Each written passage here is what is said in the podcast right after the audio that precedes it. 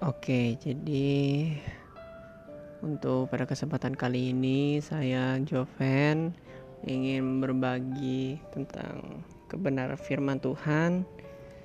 Ya, mungkin masih ada kekurangan dari gua, tapi gue ingin men-sharingkan sesuatu apa yang gua alamin. Jadi di sini gue nih bikin podcast sebagai apa ya? Gue kalau men-sharing sesuatu pasti gue bingung gue mesti ngapain ya? Mungkin karena dengan podcast ini mungkin yang mendengarkan bisa menjadi apa ya berkat lah. Semoga apa yang gue omongin apa yang gue sampein ini bisa menjadi berkat buat orang-orang yang mendengarkan. Jadi di dalam suatu kebenaran pasti ada sesuatu atau apa ya menjadi rema bagi kehidupan kita sehari-hari Nah, di sini gue nih tertarik sekali di kitab Amsal ini karena di sini berisi tentang nasihat-nasihat Salomo. Nah, yang gue paling senang tuh di Amsal 1 ayat 7 yaitu kan sudah pada tahu itu ayat benar-benar ayat yang kita tidak bisa pungkiri lagi yaitu takut akan Tuhan adalah permulaan pengetahuan tetapi orang bodoh menghina hikmat dan didikan. Nah, di sini gue men-sharing bahwa jangan kita sok-sok takut akan Tuhan tapi hikmat atau didikan yang apa ya orang tua atau siapa pun yang mendidik kita nih kita tidak bisa menerima. Jadi takut akan Tuhan ini sendiri kita betul-betul apa ya memahami konteks dari Amsal ini. Atau Salomo mengatakan bahwa kita harus takut akan Tuhan. Dan di perikop ini tujuan Amsal ini yaitu supaya kita bisa mengetahui hikmat dan didikan dan kita bisa mengerti kata-kata dari setiap Salomo sampaikan kepada kita.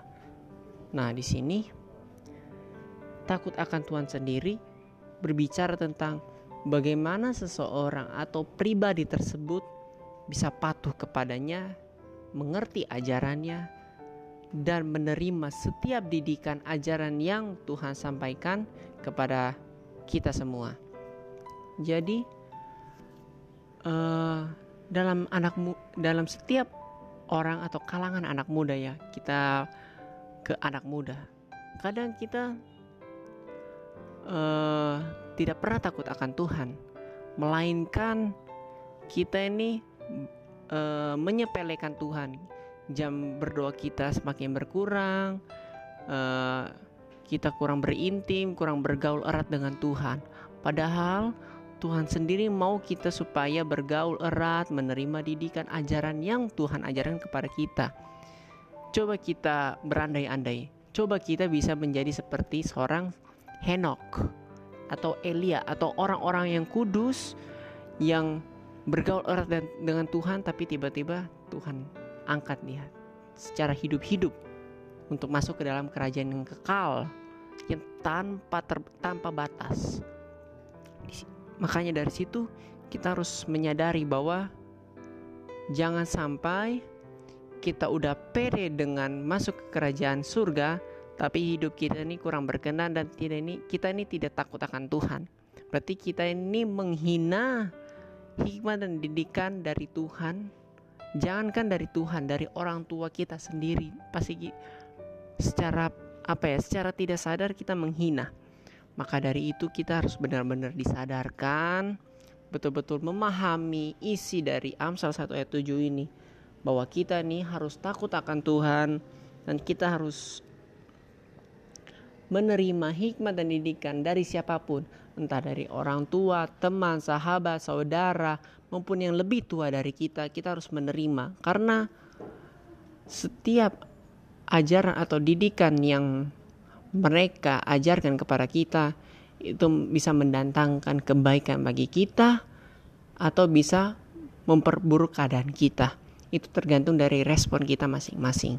Maka dari itu di sini gue uh, mau ajak teman-teman semua untuk ayo kita harus berintim bergaul terus dengan Tuhan jangan sampai kita menghina didikan menghina ajaran yang sudah diajarkan dari orang tua kita, teman kita, saudara kita, maupun Tuhan itu sendiri.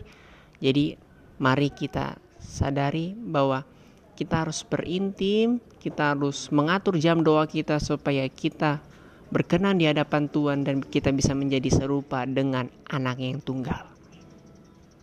Shalom.